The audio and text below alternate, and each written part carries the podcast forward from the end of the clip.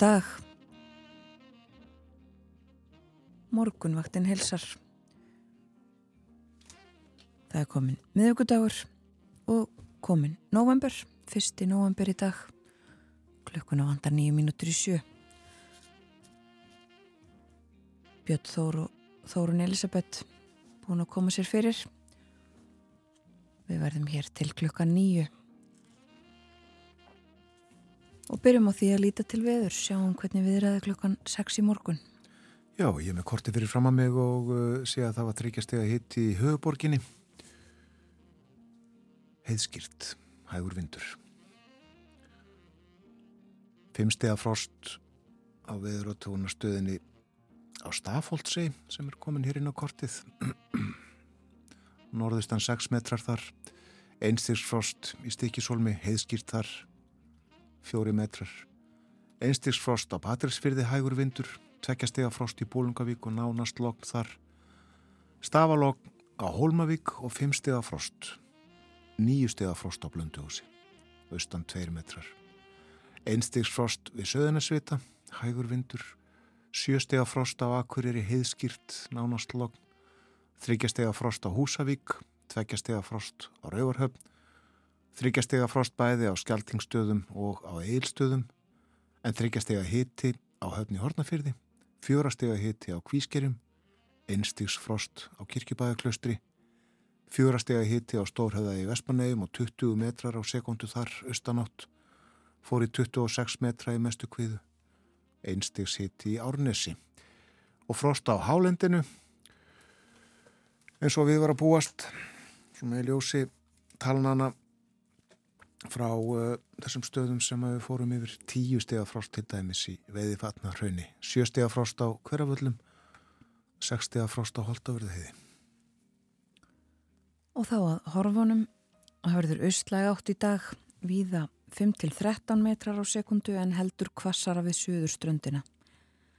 Stöku skúrir eða jél á austanverðu landinu en yfirleitt bjart vestan til.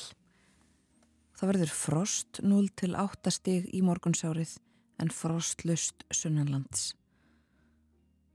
Og yfir daginn í dag yfirleitt 0 til 5 stiga hiti. Á morgun verður frekar ákveðin norðaustanátt 10 til 18 metrar á sekundu, kvassast suðaustan til. Og dáletar skúrir eða jél á norðan og austanverðurlandinu en létt skíjað á suðvestur horninu áfram. Og hitin breytist lítið Á förstu dag og um helgina er svo útlitt fyrir svipað veður.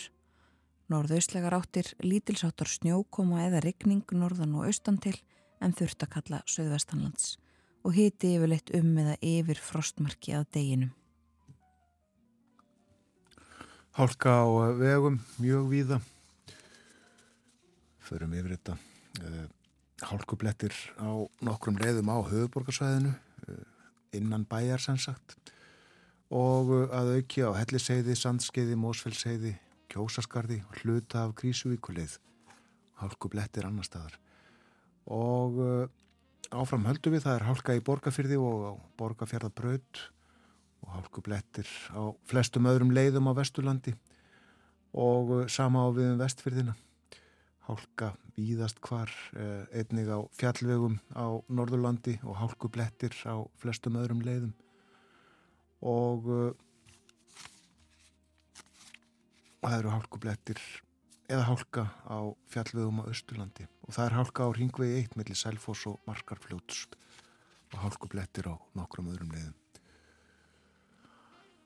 Þetta var svona helsta frá vegagerðinni og uh, veðustofinni. Uh, nefnum líka frá veðustofinni að jærskjáltanir hafa haldið áfram á Reykjaneskaganum uh, fjölmarkir skjáltar í nótt og uh, margir uh, nokkuð öflugir og uh, sá öflugasti líklega löst fyrir klukkan 1 í nótt 3,7 og var 4,6 km norðvestur af Grindavík. Við setjum fyrsta lagþáttarins þennan morgunin undir nálina og hér er komin sjálfur Benny Gutmann.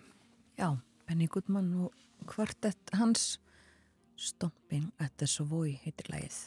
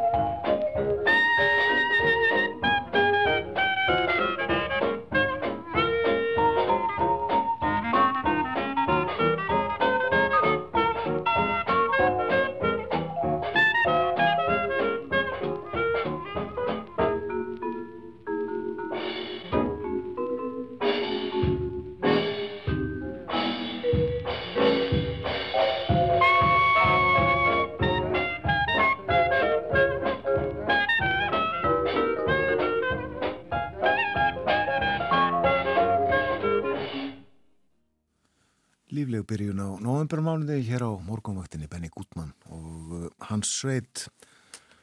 Það líður að fréttunum hjá okkur koma á slæinu sjö eins og vennilega og uh, hefjast með klukkuslætti. Eftir þær fyrir við ítalega yfir dagskráð þáttarins þennan morgun en uh, nefnum þó að við ætlum að tala svolítið um Donald Trump.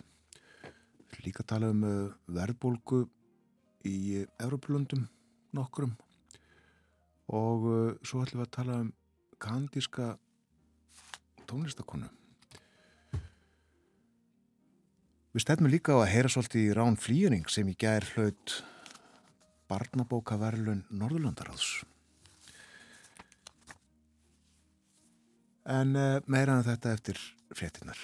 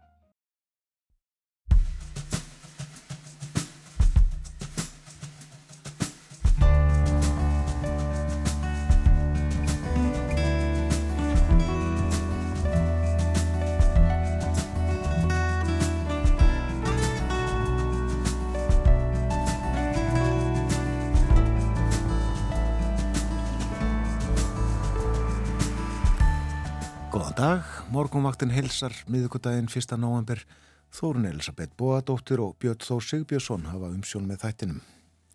Samkvæmt skoðanakonunum eru töluverða líkur á því að Donald Trump gæti orðið fórseti bandaríkjana á ný. En í millitíðinni berst hann í dómsölum viða um landið. Fjögur mál getur leitt til fangilsistóma, eitt ógnar viðskiptaveldi hans og og nokkur mál með að því að fá hann fjarlægðan af kjörsöðlum í fórsetakostningum næsta árs. Sigriður Rauð Júliusdóttir, lagfræðingur og sérfræðingur í bandarískum stjórnmálum ræðir þessi mál við okkur upp úr klokkan halv åtta. Og við fjöllum um efnaðasmál í útlöndum, engum í Evrópu eftir morgun fréttinnar. Verðbolgan hér fór örlítið niður í síðustu mælingu en staðan er allt önnur og betri í viðmiðunarlöndunum líkt og Áskeið Brynja Torvason rétt stjóri vísbendingar fer yfir með okkur. Og við tölum líka um eitt og annað fleira er varðar, efnahag og peninga. En af þekktustu tónlistarkonum Kanada undanfarna áratvíi, Buffy St. Marie, var sökuð um það í fréttaþætti og dögunum að hafa vilt á sér heimildir allan sinn feril. Hún sé ekki af kanadískum frumbyggja ættum eins og hún hefur haldið fram, heldur fættu uppalinn af kvítu fólki í bandaríkjunum. Uppljóstrannirnar hafa vakið mikla aðtikli og umræðu í Kanada. Tónlistarkonan sjálf sem er komin yfir áttrætt og settist nýlega í helgan stein neytar öllum sögum. Vera Ílluðadóttir ætlar að segja okkur þessa sögu upp úr klukkan halv nýju.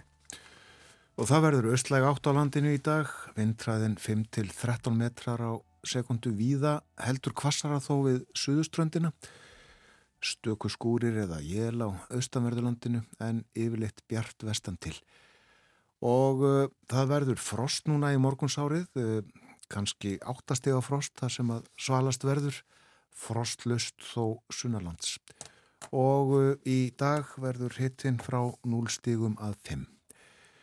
Á morgun, 50 dag verður frekar ákveðin norðaustanátt, 10 til 18 metrar kvassast suðaustan til og dálitla skúrir eða jélum norðan og austanvert landið en áfram létt skíjað á suðvesturhorninu og hitti að breytist lítið á morgun frá því sem verður í dag.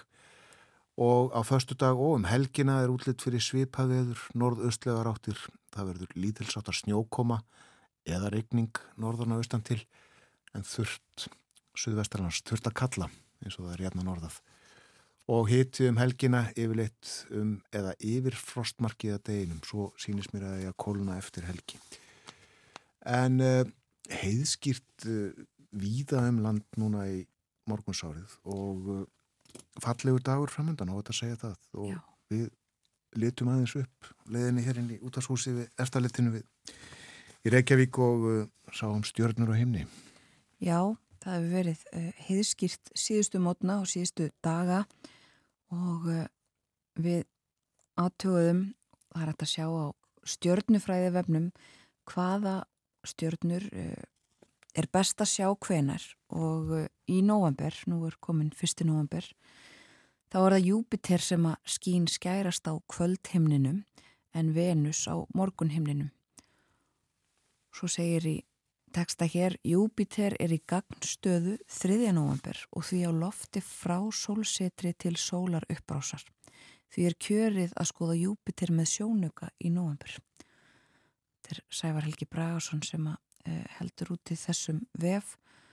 Og eh, það er að sjá dagsetningar til dæmis 9. november glæsileg samstaða venusar og sigðarlaga tungls á morgun himri, himni í suðaustri. Og ímislegt fleira. Hann er líka með tunglstöðu hvers dags. Og ímislegt sem hægt er að skoða Merkuríus er ekki á lofti í november. Nei.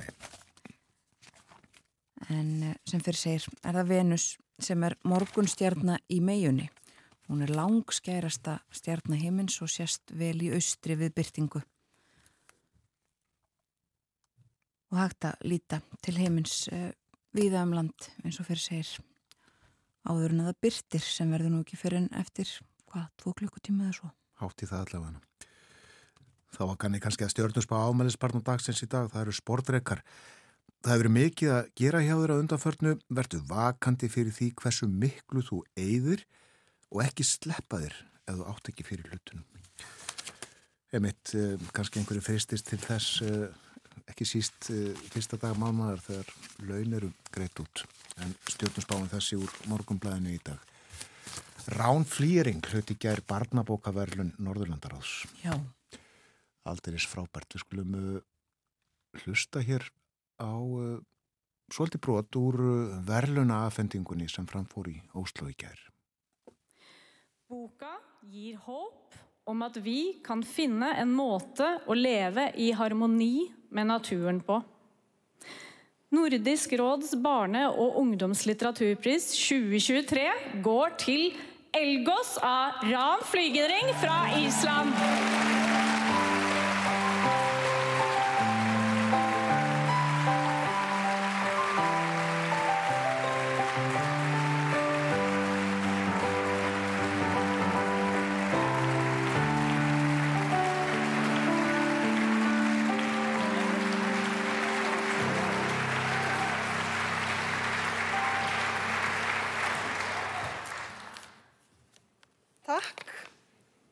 Tusen takk. Million takk. Um, uh, ja, takk. Jeg må åpenbart takke juryen.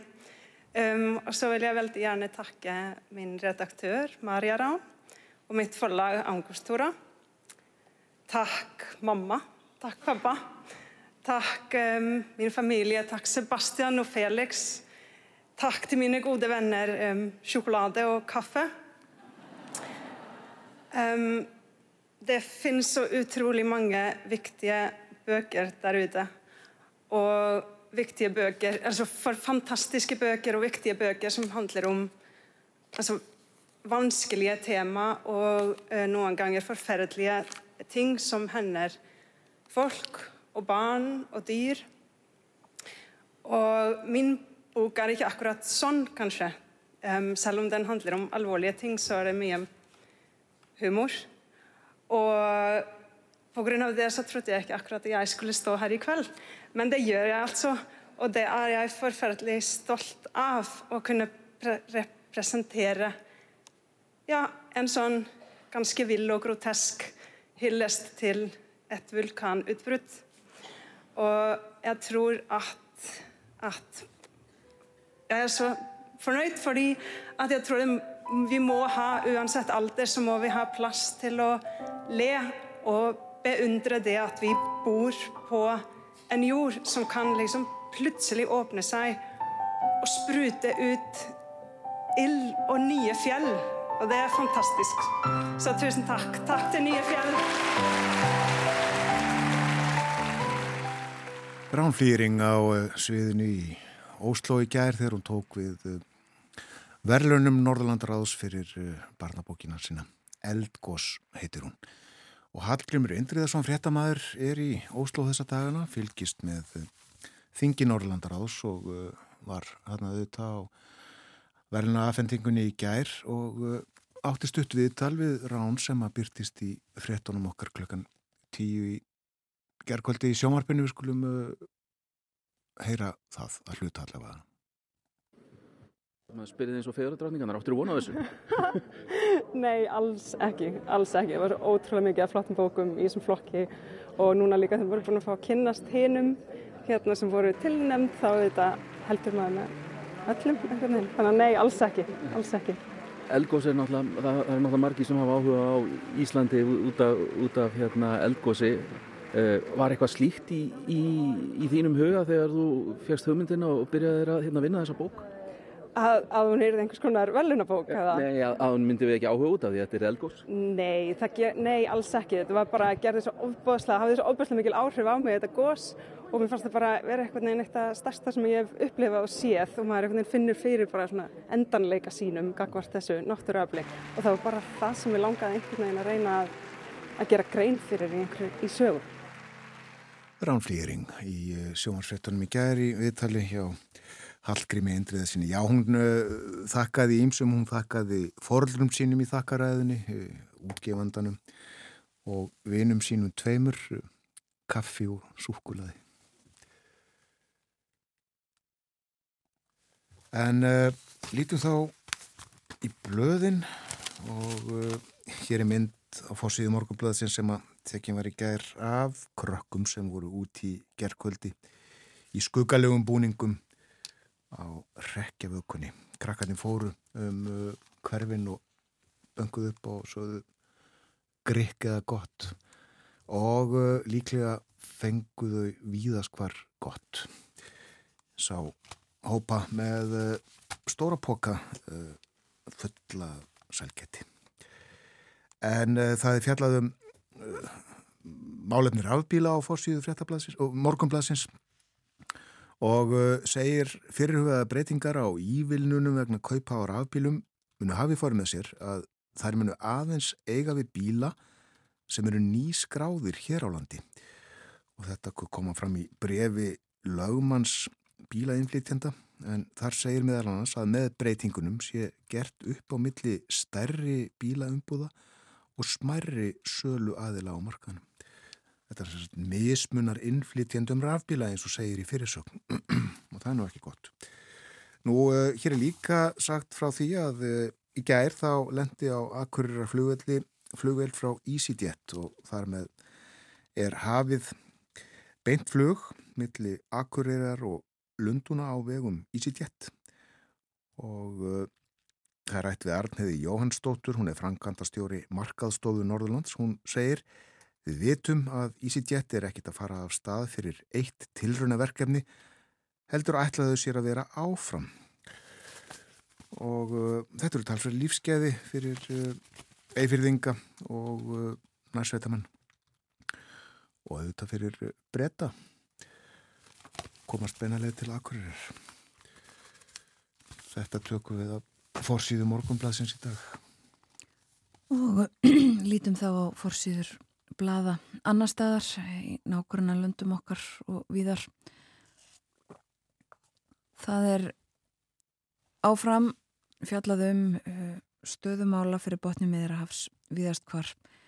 Uh, það voru árásir á flótamannabúðir í Ágasa í gær eins og hlustendur þekkja og uh, Egiptar meðal þeirra sem að hafa fordæmt þá árás á Jalabíja búðurnar um, fordæmdar eins sterklega og hægt er.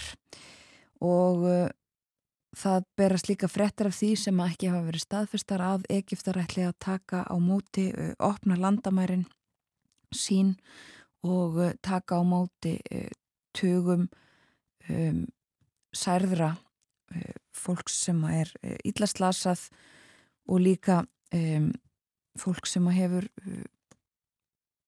vegabref uh, ríkisfang annar staðar. Sagt frá því uh, Reuters að um, það séu Katarar sem hafi haft milligöngu um þetta, það hafi komist á samkominlag milli Egipta, Hamas og Ísraels. Og uh, það verði gert í dag. En uh, sem fyrir segir ekkit ofinbert um, um þau mál.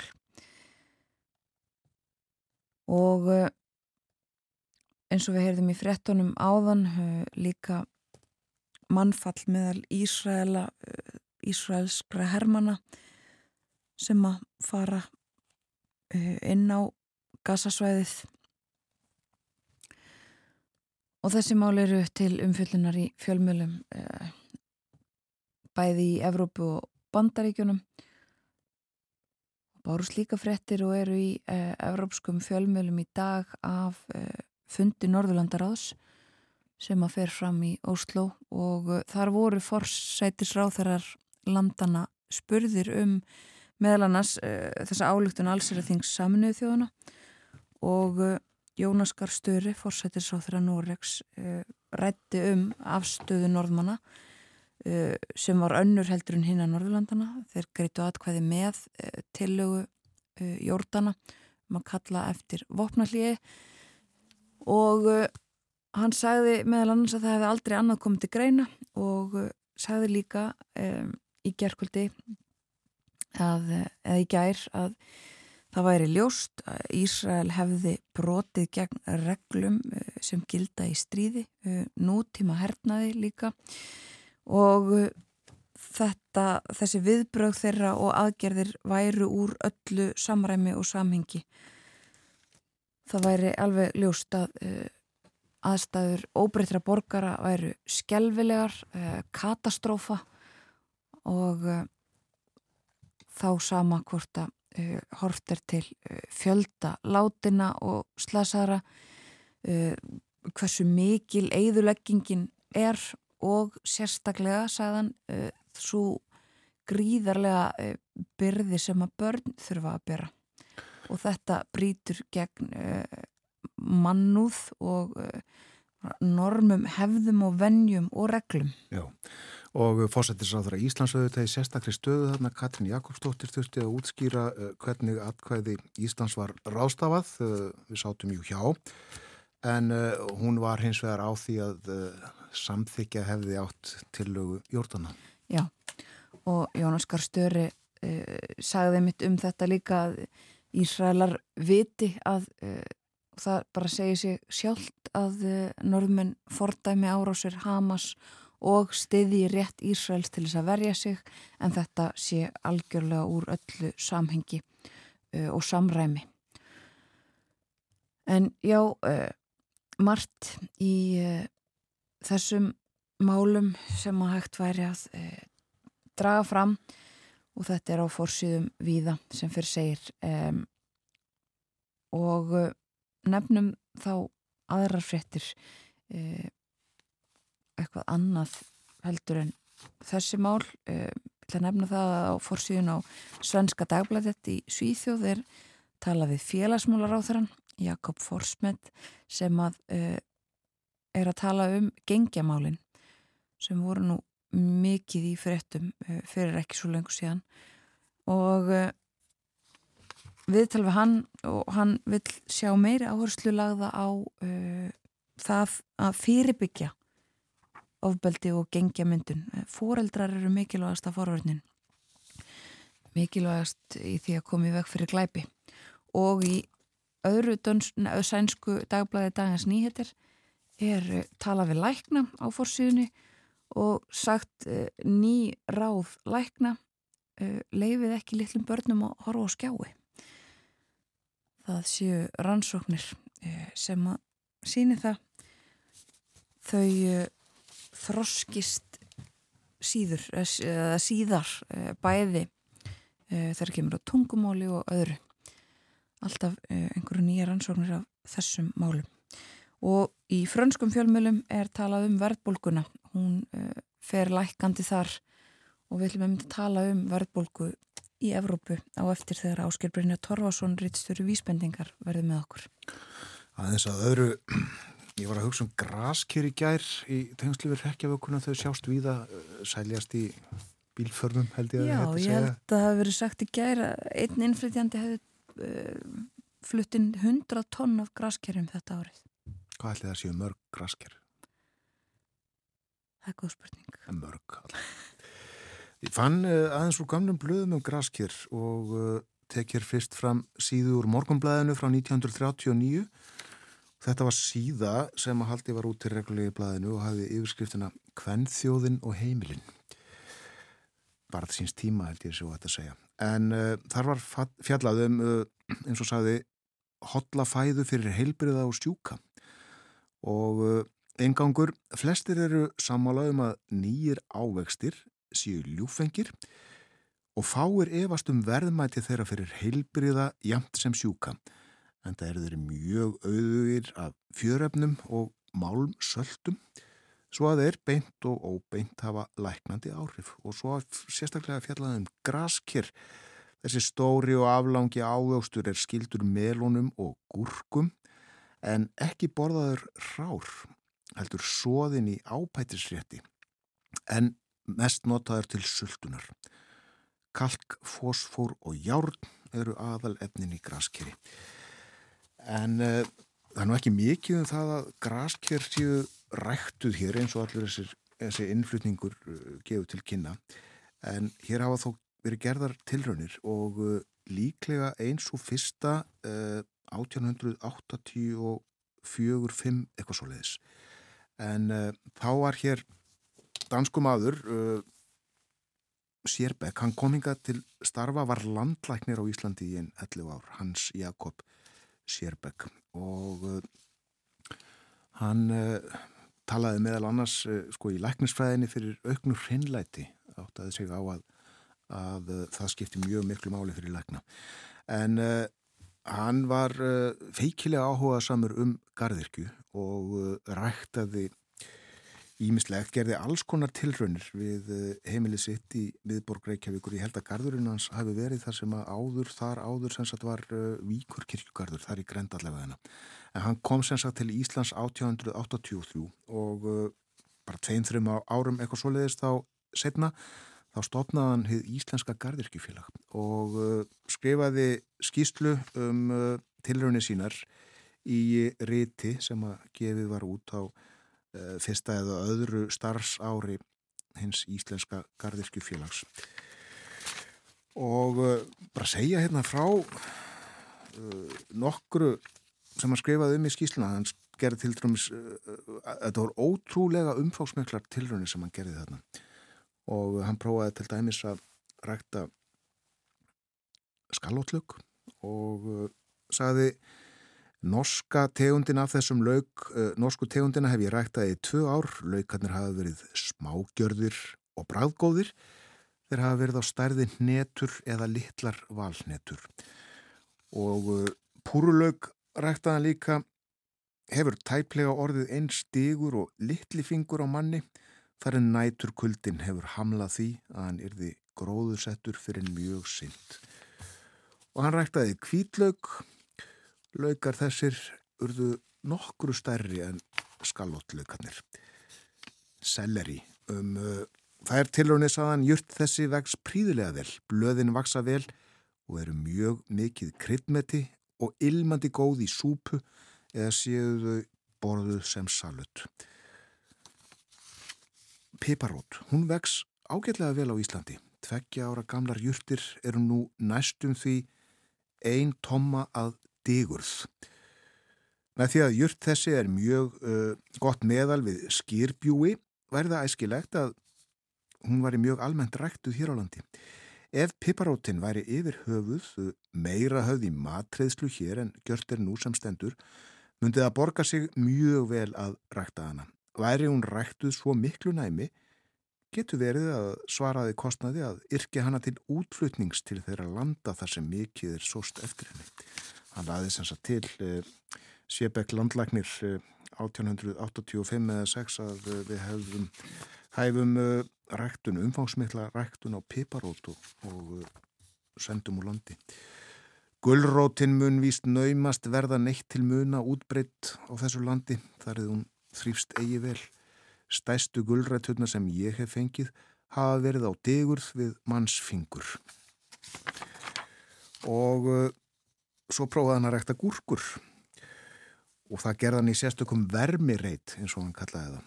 Í vermireit hef ég gjört tilrönd til þess að rækta agúrku. Júrtir þessar komu mjög vel upp en svo dróðust þær upp og virtust eigi geta þrifist þó blómstruðu þær heldur vel og tveir litlir ávextir uksu sem urðu samt eigi stærri en litli fingurmanns. Littlar gullrætur það.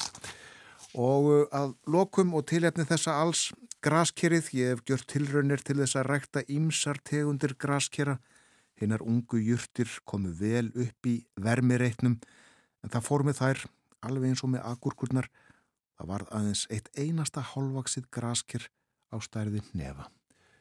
Og það er nú lítið grasker, við séum í búðum og uh, við hús og hýbili síðustu daga, reysastór ávöxtur. Um uh, rektarnir uh, Sébæks landlæknis á sínum tíma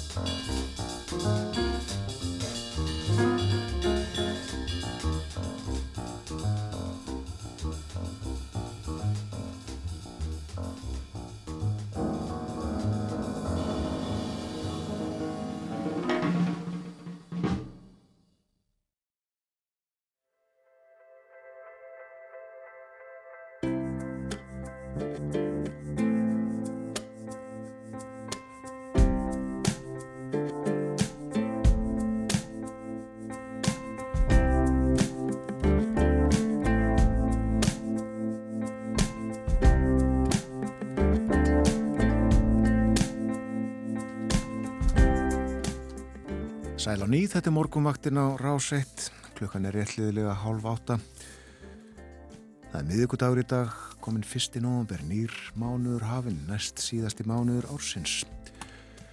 Já, eh, klukkan réttliðilega hálf átta og hefðlust margt fólk á leið í morgunsundið, margir sem að byrja daginn á sundspretti eða með því að liggja í heitum potti og fólkuðu þetta löngu komið ofan í eh, líklega um það byrj klukkustund síðan að eh, laugar, margar allavega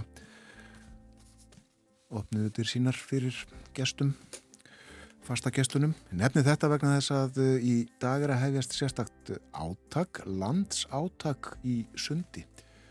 Og yfirskrift þess er einfallega syndum. Og þetta er heilsu og kvartningar áttak en uh, sund er í kynningateksta sagt fyrir alla, óháð aldri, bakgrunni eða líkamlegu ástandi. Sund er tilvalinn þjálfunar aðferð þar sem sund styrkir hjarta á æðakerfi, lungu og öðva líkamans. Það getur bara ekki verið betra. Í eh, fyrra og hitti fyrir, þetta byrjaði eh, fyrir tveimur árum, 2021 og eh, þá tóku margi þátt og landsmenn syndu samtals 11,6 ringi í kringum landið Sendum aðeins minna í fyrra, 10,2 ringi í kringum landið, en markmiðið ára að fá enn fleiri til að vera með og uppgöta hvað sund er frábær alliðar reyfing. Ég minni á að áskiprinja Torvarsson, reittstjóri Vísbendingar verði með okkur hér á morgunvaktinni eftir morgun fréttir klukkan 8. Við ætlum að tala með þær annars um verðbólgu í Evrópulöndum, öðrum en Íslandi og uh, Víða hefur tekið tekist mun betur að uh, kljást við hann á hveðana nýður heldur en hér. Og uh, svo fyrir við til Kanada með veru ylladóttur upp úr hálf nýju og uh, heyrum þar sögu konu sem að um áratjóaskeið hefur notið mikilla vinsælda. Og uh, verið sögð og hún sagt, sagst sjálf vera af ættum frumbyggja í Kanada. En annað kann að vera komið á daginn. Þetta er uh, sérstatt mál sem að vera að segja okkur frá og eftir. En nú öðru. Það er uh, réttum ár í fórsöktakostningar í bandaríkjunum og uh, samkvæmt skoðanakonunum nú eru töluverða líkur á því að Donald Trump geti orðið næsti fórsökti bandaríkjana, fórsökti á ný. En í millitíðinni þá berst hann í dómsölum víða um bandaríkin. Það eru uh, nokkur mál sem að getu leitt til fangilsistóma, eh, eitt að minnstakosti ógnar viðskiptaveldi hans og uh, svo eru mál sem að miða því að uh, bannunum hreinilega bjóða sér fram, fá hann fjarlæðan af kjörsælunum. Og við ætlum að tala um Trump og þessi mál næstu mínuturnar til okkar komin Sigriður Júliusdóttir Hún er lögfræðingur og dómarinn, kemur hinga til okkar uh, sem sérfræðingur í bandarískum málefnum. Velkomin á morgunvaktina. Já, þakka fyrir. Ég held að við þurfum að fara bara eh, yfir þessi mál uh, svona eitt í einu. Já. Þetta eru mörg mál. Uh, ég, þau eru, eins og ég sagði, nokkur sem geta leið til fangilsistóma en ef að byrja í, í New York, þar hefur ímislegt verið að gerast. Já, það er nefnilega mesta reyfingin núna, sko. Það er mál sem að, að hérna Leticia James saksóknari að sagt, hún er, þetta heitir, ennbætti heitir Attorney General og hún hefur höfðað mál gegn Trump og Sónumans og fyrir svig, ef svo mætti segja, í viðskiptum. Þess, þetta mál er sagt, fyrir, hérna, rekið fyrir dómara sem heitir N. Goron og þar, þar hugsanlega fyrir mistök var ekki sagt, óskað eftir kviðdómi. Oh. Það er svona kenningar um að, að, að lagfræðingarnir hans Donald Trumps hafi gert mistök að gleima haka í boks eins og sumi segja en, en þau nú neyta því en, en all, alltaf einu þá er ég ekki kviðdómur þessi dómari sem er svo sannlega ekki endilega hægt að segja sér hlýðhóllur Trump. Nei.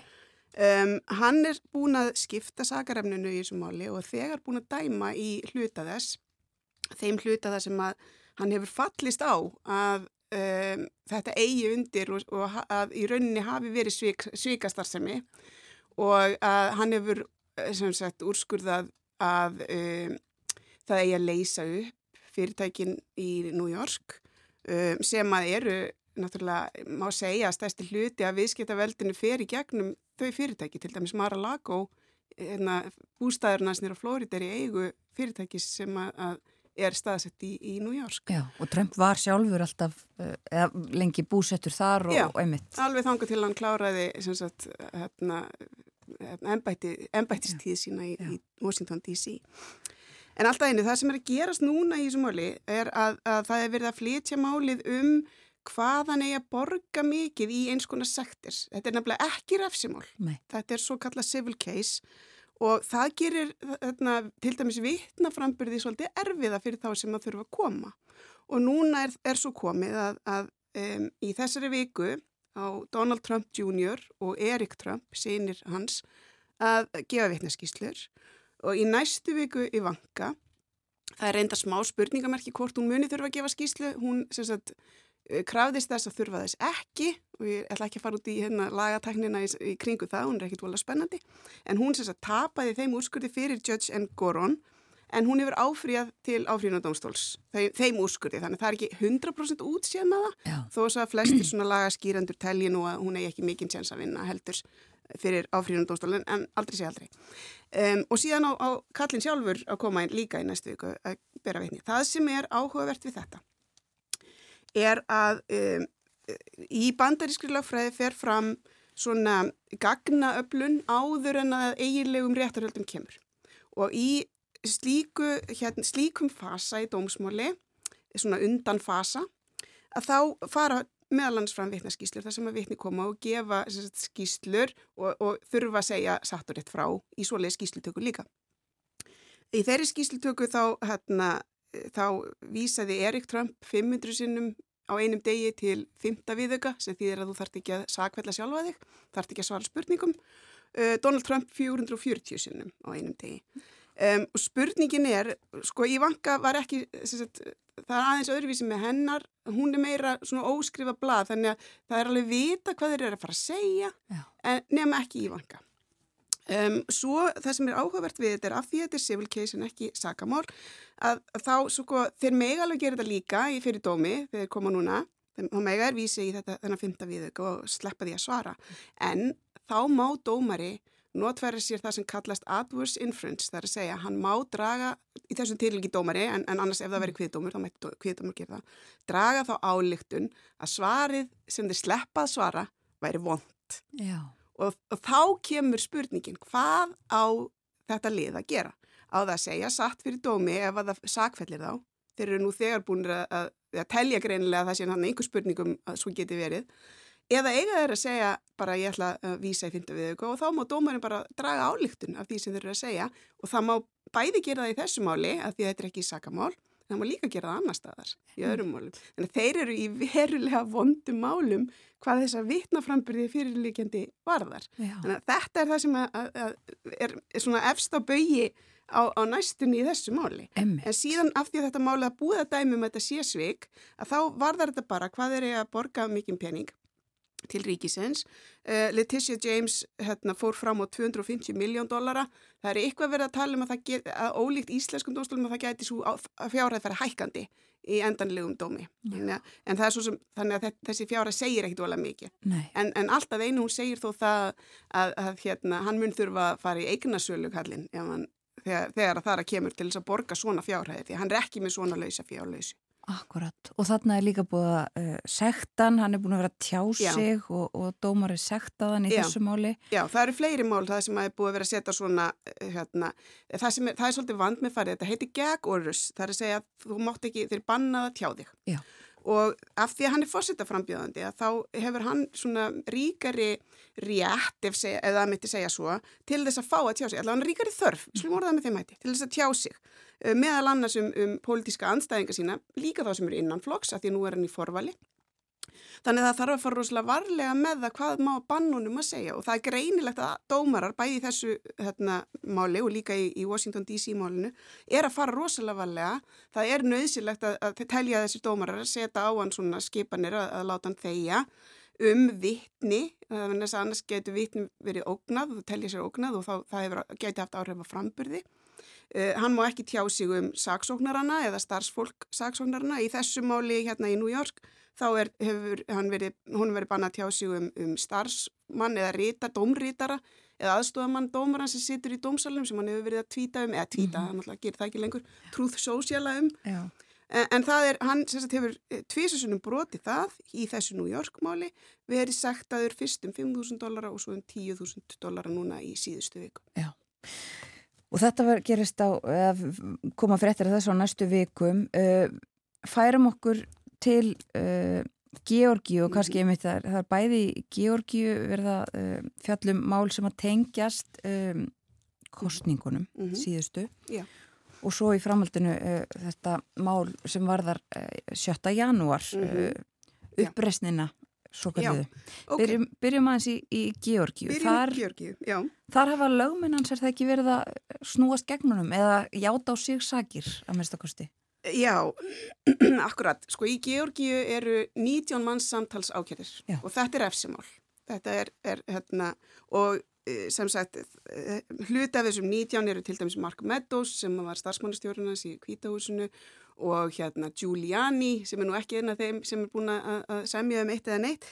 Jenna Ellis sem var í, í laga, hópnum að segja teiminu og hérna Sidney Powell sem var oft kölluð Kraken-konan því að hún var alltaf release the Kraken sagði hún einhvern tíman eins og frekt var og hérna og fleiri hann hlaði 90 manns það var langt að vera að sitja mm -hmm. hérna og telja það allt saman upp en, en Sidney Powell er búin að játa á sér sög og gegn því að það væntalega lækkun á kjöruadriðum og, og hérna játar á sér sög fyrir vægari brot um, og líka Kenneth Chesbrough Hann hefur játað, hann vann í dónsmálaráðanetinu, er talin einn af þeim sem að, var í arkitektin að þessu plotti og, hérna, og, og fleiri. Og, hann, þeir, til þess að, að fá svona díl, þá þarf það að segja sattur eitt frá og þú það að lofa að koma fyrir dóm og segja þar sattur eitt frá og greina frá öllum hugsanlegum brotum þinna og annara í, í þessu hérna, samsæri.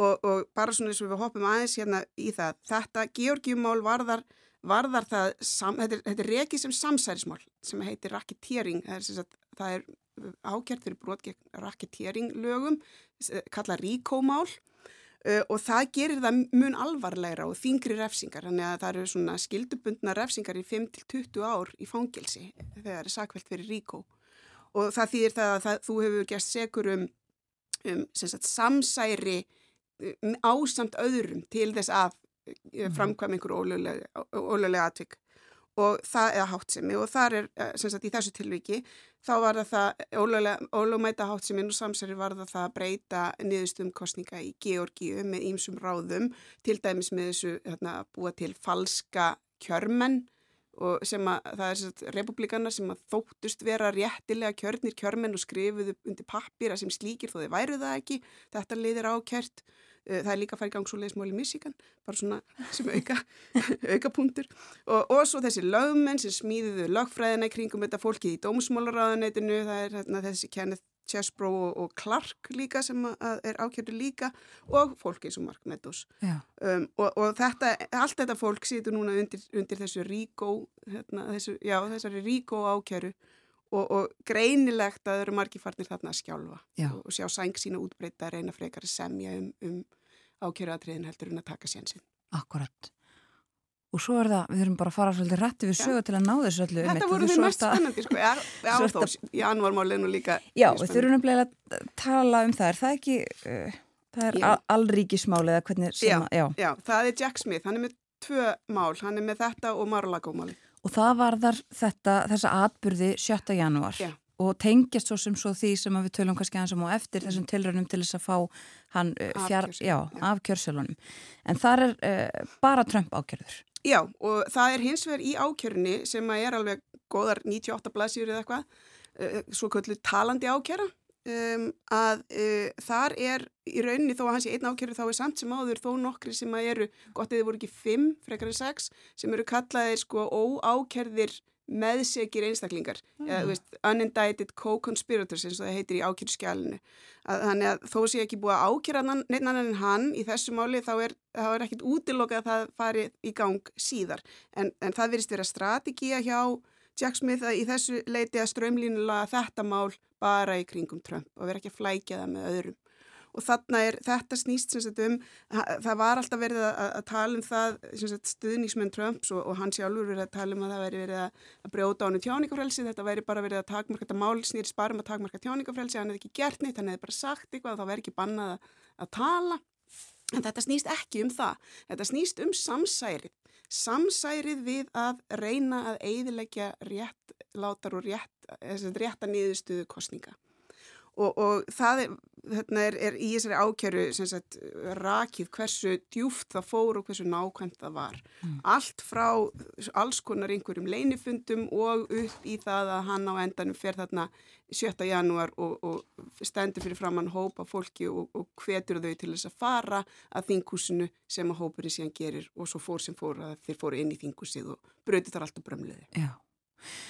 Og sko eins og ég sagði þetta svo tengist eða þar að þessir atbyrðir svo þessum málum er það ekki er all, fleiri en einum stað þar sem að verið þeirra að reyna að um, komi vekk fyrir að hann bara geti búið sér fram vegna þess að hann hafi Já. einmitt uh, hvað til uppreysnar eða verið uppreysnar maður. Já, það, það er svona það sem maður mætti kalla aukamál. Það eru sko fjögur mál sem eru reikið núna gegnunum, bæðið sakamál og þetta civil case í, í mm -hmm. New York Og síðan er þetta, þetta 14. viðaukamál, það snýst um það, það er rekið í, í núna í Colorado, geti verið að sé á leiðinni í gang á, á fleiri stöðum, það er komið í gang í Colorado.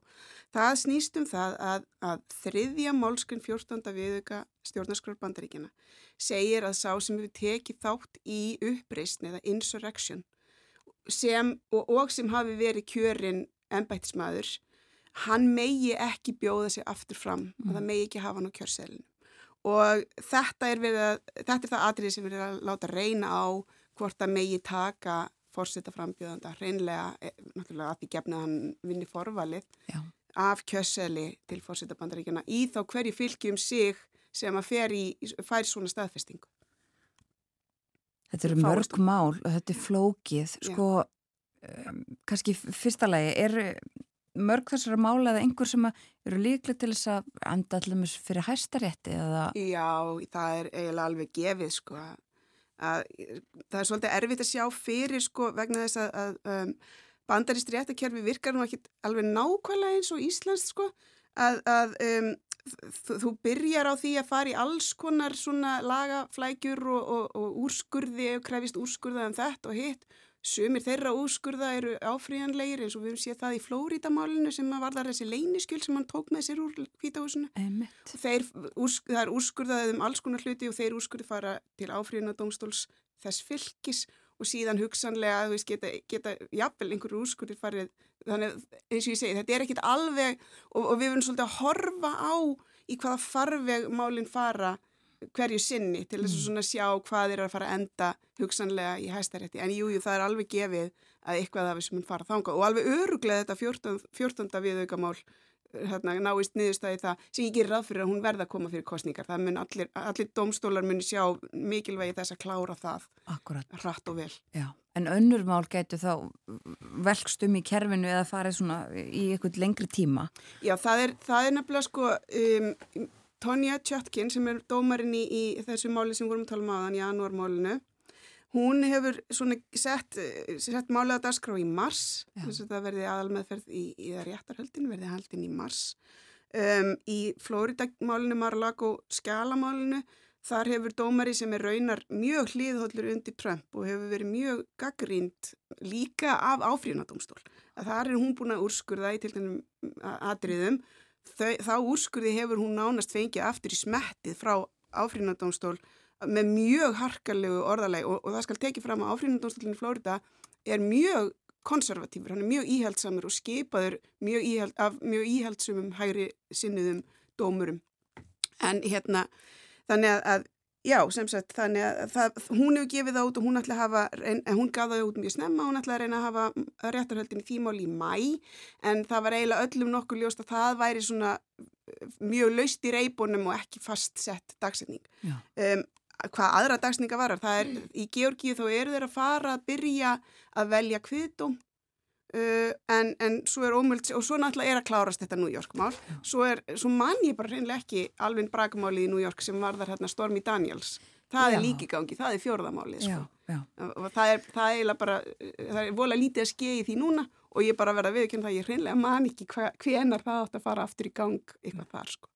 En fangilsistómar, uh, jafnvel þó hann sé fundin sigur, þeir þýða ekki að uh, hann get ekki búið sér fram En- Nei, nefnilega og uh, sko, kannski aðeins rétt í lokin sér ég raut að tala um afleðingarnar af þessu að því að Mhm. það virðist allavega hinga til ekkit af þessu hafa bitið á Trump, mm Mhm. stuðningsmennans, uh, ég, þeir eru bara á því margir hverjir að þetta sé allt saman eitt stort samsari. Já, sko þetta þá, þarna erum við kannski svona meir út í pólitíkina sem er svona kannski fyrir, fyrir utan, utan minn launaseðil en hérna, eh, sko, það er, já, það má segja að þetta sé svona pólitíst skrítin staða, um, svo virðist sem að, já það virðist í samkvæmt skoðanakonunum þá er hann bara með yfirblæðstöðu í þessu forvali.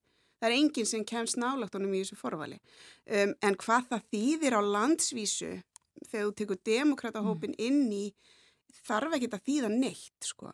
Erum við að horfa á það að republikanaflokkurinn er hugsanlega bara minka og þess vegna er fylgi hans innan þess flokks eh, augljóslega að stækka en það er bara þeir sem að, að eru svona gamaldags republikanar þeir bara eru farnir einhvert annað og ætla annarkvort að kjósa það sem þið kalla independence, þar sé einhvern svona óháðan eitthvað óháð frambóðið að skrifa einhvern inn Mm eða, eða bara hreinlega fara og kjósa demokrata eins og margir þeirra hafa gert, til dæmis Michael Steele held ég að, að hafi, eða allavega hérna, Steve, Stephen Smith sem var hérna, kostningastjóri hjá McCain, hann er bara hreinlega orðinn demokrati og margir aðrir líka svona prominent eða svona hérna, stórir republikanar sem eru hreinlega bara búin að skipta yfir út af þessu öllu saman.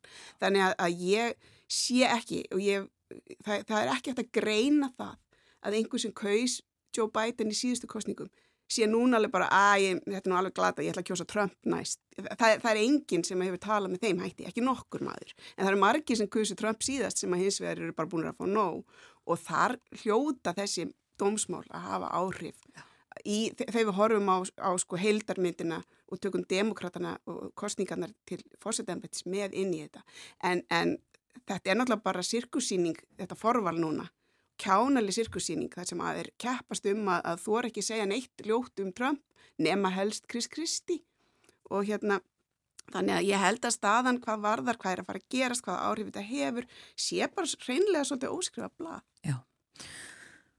Og það er ári fórsettakostningarnar, það getur Já. margt gerst á þessum tíma mörg dómsmál eh, mögulega leitt til lykta. Kæra Sannlega. þakkir fyrir að vera með okkur á morgunvaktinni Sigriður Júliusdóttir. Já, takk fyrir að hafa mig.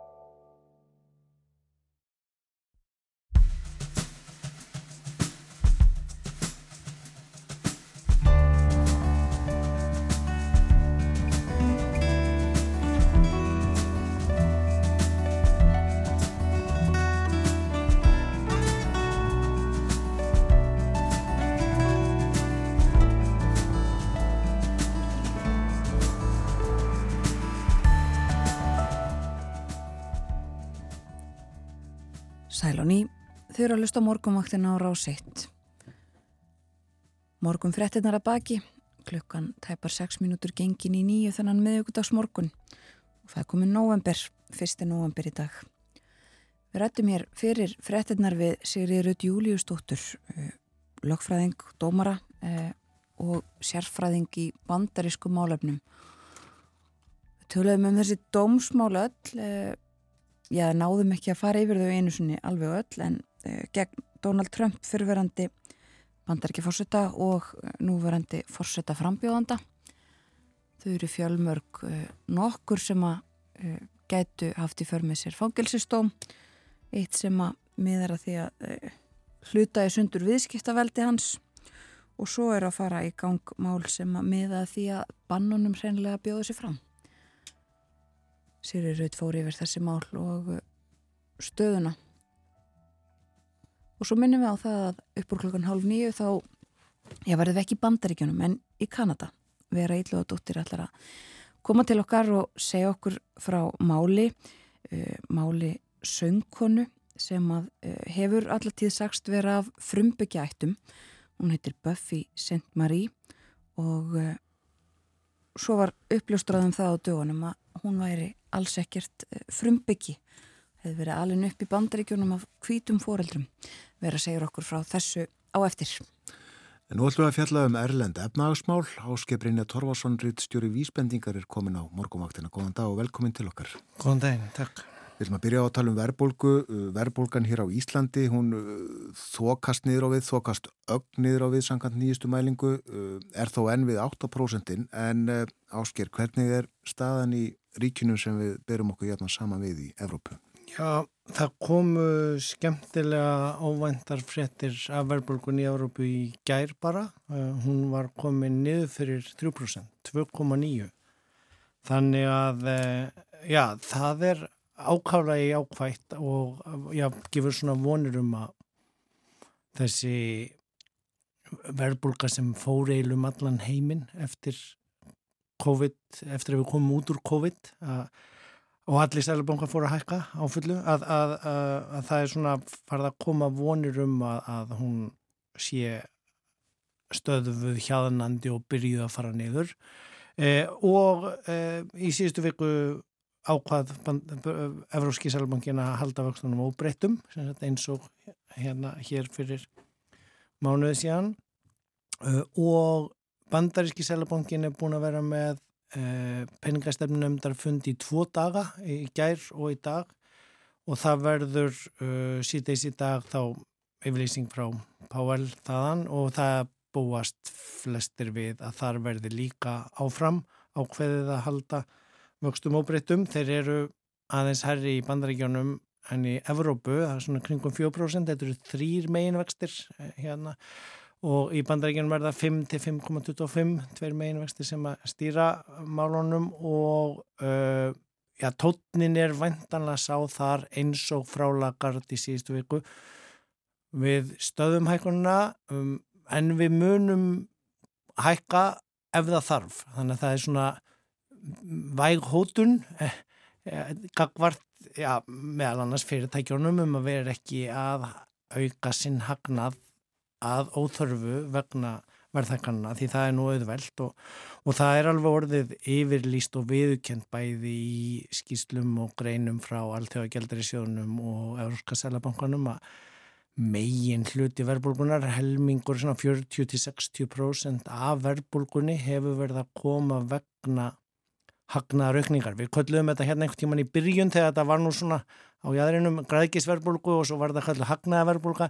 Nú er þetta kallað Eh, seljandadrifin verðbólka til að vera svona, já, kurteisari við hérna en, en það, það, það er búin að vera gífulega spennandi debatt innan hagfræðinar úti á hennu alþjóðlega sviði. Eh, hér innanlands er nú kannski svona heldur monotónskur tótt eh, en, en úti er þetta búið að vera eins og ég hef nefnt hér nokkur sinnum áður svona helmingur eða, eða hluti sem að telur þetta er bara tímabundi verðbólk gott, við þurfum bara að býða af okkur þetta kemur niður og svo já, hinn helmingurinn eða hinn eh, svona eh, hópurinn sem segir uh, það verður að hækka meira það var að byrja að hækka of sein þetta er ekki uh, þetta er að fara úr böndunum og, og já, þeir vilja slökkva eldin með því að sökva húsin og kafi vatn meðan að hinn er kannski segja já, eldurinn bara loknast út af sjálfum sér en, en raunveruleikin er þannig að einhverstað á milli sko, við þurfum hvorki kannski að láta hann uh, loga verðbúrgubálið en ég heldur að sko, já, drekja öllu og valda meiri skada uh, heldur en þarf til að slakka eldin og það er í raun og verið það sem við erum að sjá núna og, og debandi snýstum eru við uh, og þess vegna held ég að flest allir selbankunni séu að býða að því eins og ég hef nefnt hér áður líka þetta tekur hálft ár til átján mánuði, ég vil tvö ár fyrir vakstækkanar að ná fullri virkni. Og núna er bara, já, erum við að horfa upp á þær ná virkni. En eh, verðbólgan í Európi á 2,9% segiru, það eru þetta fjölmörg ríki í álfunni. Hvað er átt við nákvæmlega með þessu?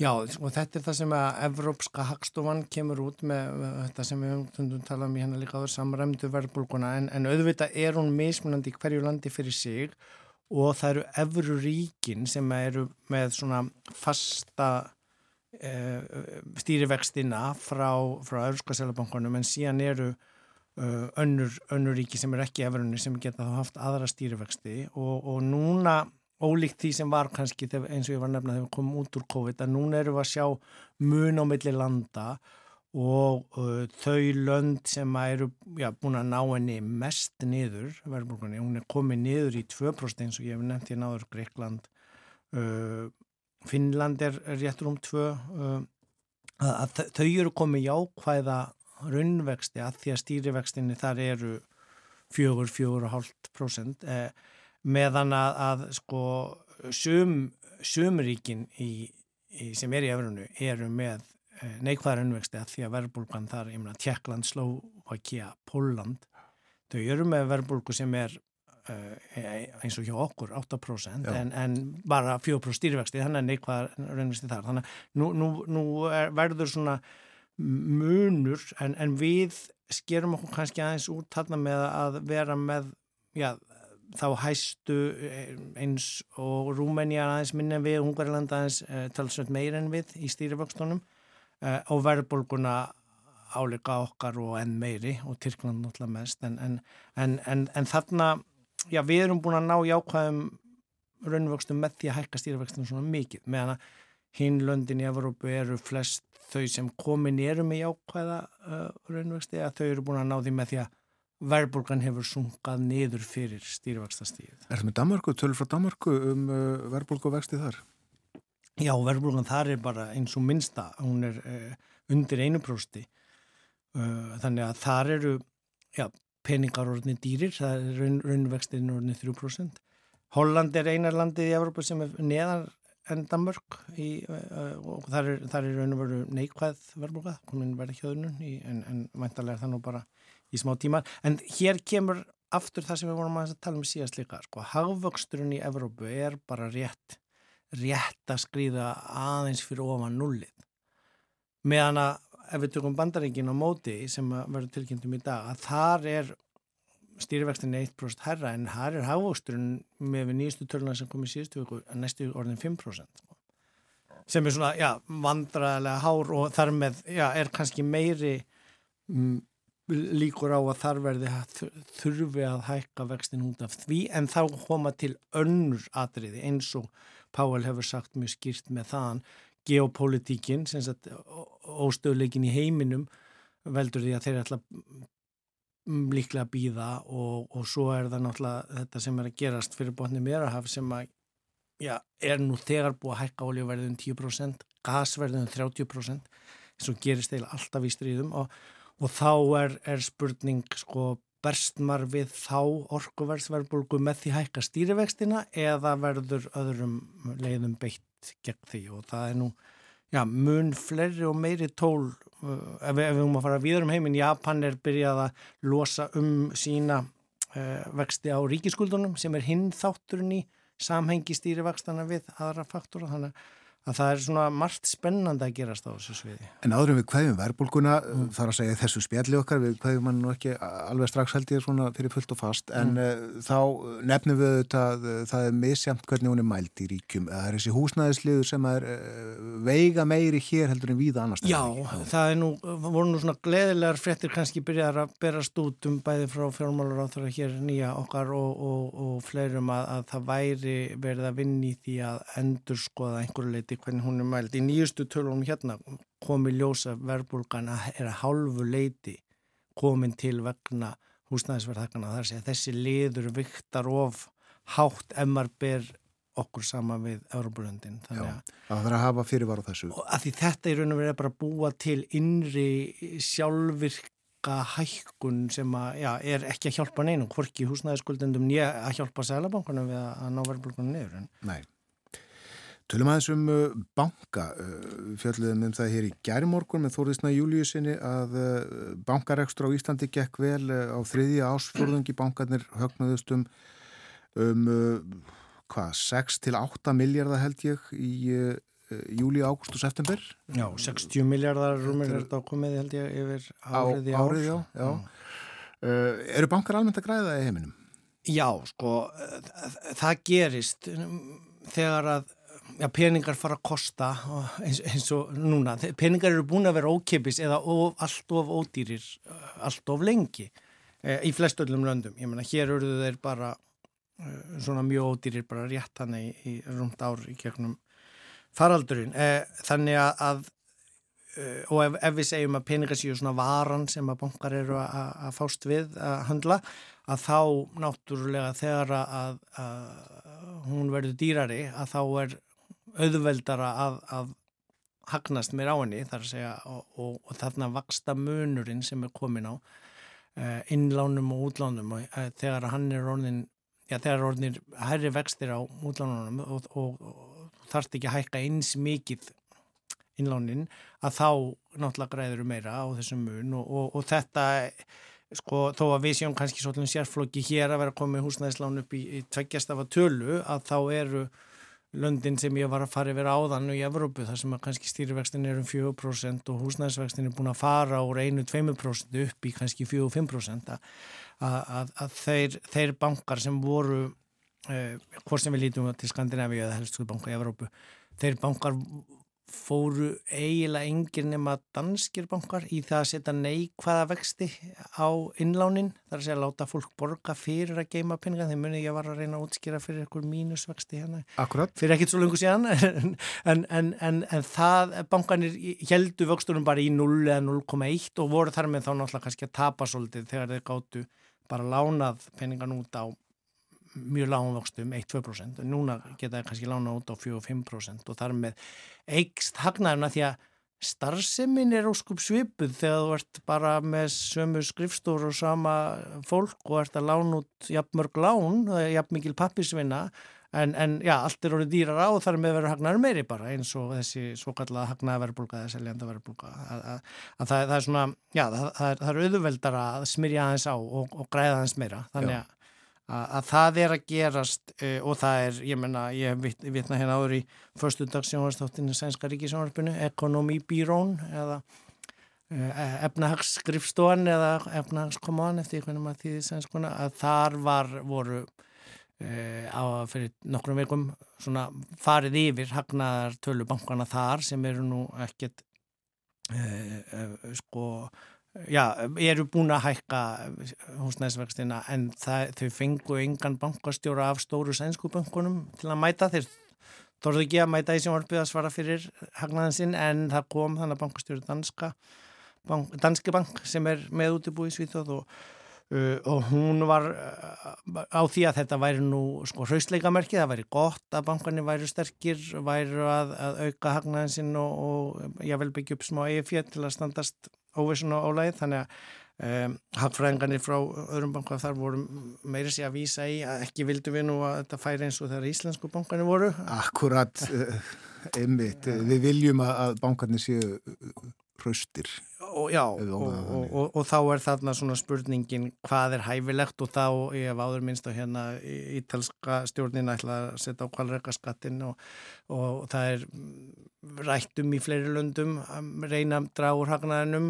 Menn fara samt varlega í þetta. Eh, eh, En, en það er aftur svolítið svona, þetta er svona hótunar, ef þið hægir ykkur ekki vel þá munum við kannski gera það, svolítið eins og, eins og Sælabanka nýrið að segja með vaksta hækkanuna sko. þannig að ég, ég, ég held að það sé svona tótnin í heldin út úr þessu allir eru að reyna að svífa þessu mjúglega til jarðar en við vitum ekkit almenna hvernig lendingabröðin er, hversu hólóttun er við vitum ekkit alveg hversu mikil óróð er í loftinu þannig að við erum já, að, held ég farin að já sigla niður úr þessu verbulgubáli og hægt og rólega bandar ekki búast með að ná 2% markinu þar næst ári, 2025. Já. Evrópa er komin í 2,9 núna og kannski nærði á næsta ári en svo veit maður ekki hvað gerist í óvissunni. Sko þetta hafa verið bísna erfið ár uh, frá því að, uh, kornu veru faraldurinn fór á stað. Já, eiginlega frá því að Trump var kosinn og Brexitið. Uh, en uh, langaði að vikja eins að umhverfismálun sem við fjöllum stundum um hérna. Hvaða áhrif uh, hefur þetta efnagasástand sem hefur ríkt undanfærin ár í, í heiminum og kannski þá ekki síst í Evrópu haft á uh, áform þjóðaðum já, orkuskiptinu uh, sem eru grundvölduð á, á Parísasankomuleginu. Já, það, það er náttúrulega, þar hafa þessi bölfuð stríð spilað inn í að áætlanar kannski náðust í gælfið. Það voru settar upp mjög metnaðafullar áætlanir, já, ekki beint í anda Parísasáttmálisin en sérstaklega eftir heimsvaraldunni gegnum hann að, að fara í það sem heitir European New Green Deal svona nýjan grænan sáttmáli í Evrópu það sem var í raun og veru beint heilmiklu mögnum fjármunum í þetta orkuskipti einangurinn húsa, spara orkuskipta um orkukerfi eins og við, við höfum minnst nokkur sinnum á líka sko hálf ríkistyrsta uppbygging á mikilvægum eins og það er verið að byggja reysa batterívæsmið í norðu Svíþjóð uh, með styrkjum frá Evrópusambandinu. Uh, uh, þetta er svona algjör umbreyting frá því sem hefur verið undan farin ára tíu en þarna er aftur líka aflegging af bæði aðfangakeðuvandunum og ótrygga heims ástandinu að, að þú vilt hafa nærðir, við kallum þetta friendshoring hérna, meðina þú, þú vilt uh, reyna að ná framleyslunni inn hjá þér, það verður ekki háður sólarsellum frá Kína eða uh, vindmjölum sem bara er að kaupa frá einum aðila. Eða gasi frá Rúslandi. Já, einmitt. Eh, og, og núna, já, í allri þeirri uppbyggingu sem þarf á fjárfestingu sem þarf að fara í til að gera þessa umbreytingu á orkukerfinu, að þá hefur náttúrulega heilmikið verið gert eftir að Ukrænustriði byrjaði þessar gasmóttöku stöðvar sem hafa verið byggðar við að þó að einn hafi nú stöðvast núna í Írlandi að þær voru byggðar á nokkru mánuðum þegar var talað um þetta tæki tvö ár eða þrjú jáfnvel eftir að leifi var í komið. Þannig að það, það verður ótrúlega mikið verið fjárfest og gerst en aftur, núna erum við komin inn á þetta tímabil þar sem að peningarnir er átni dýrari og það gerir náttúrulega alla fjárfestingar útreikninga miklu erfiðari með uh, að, já, að láta dæmi gangu upp.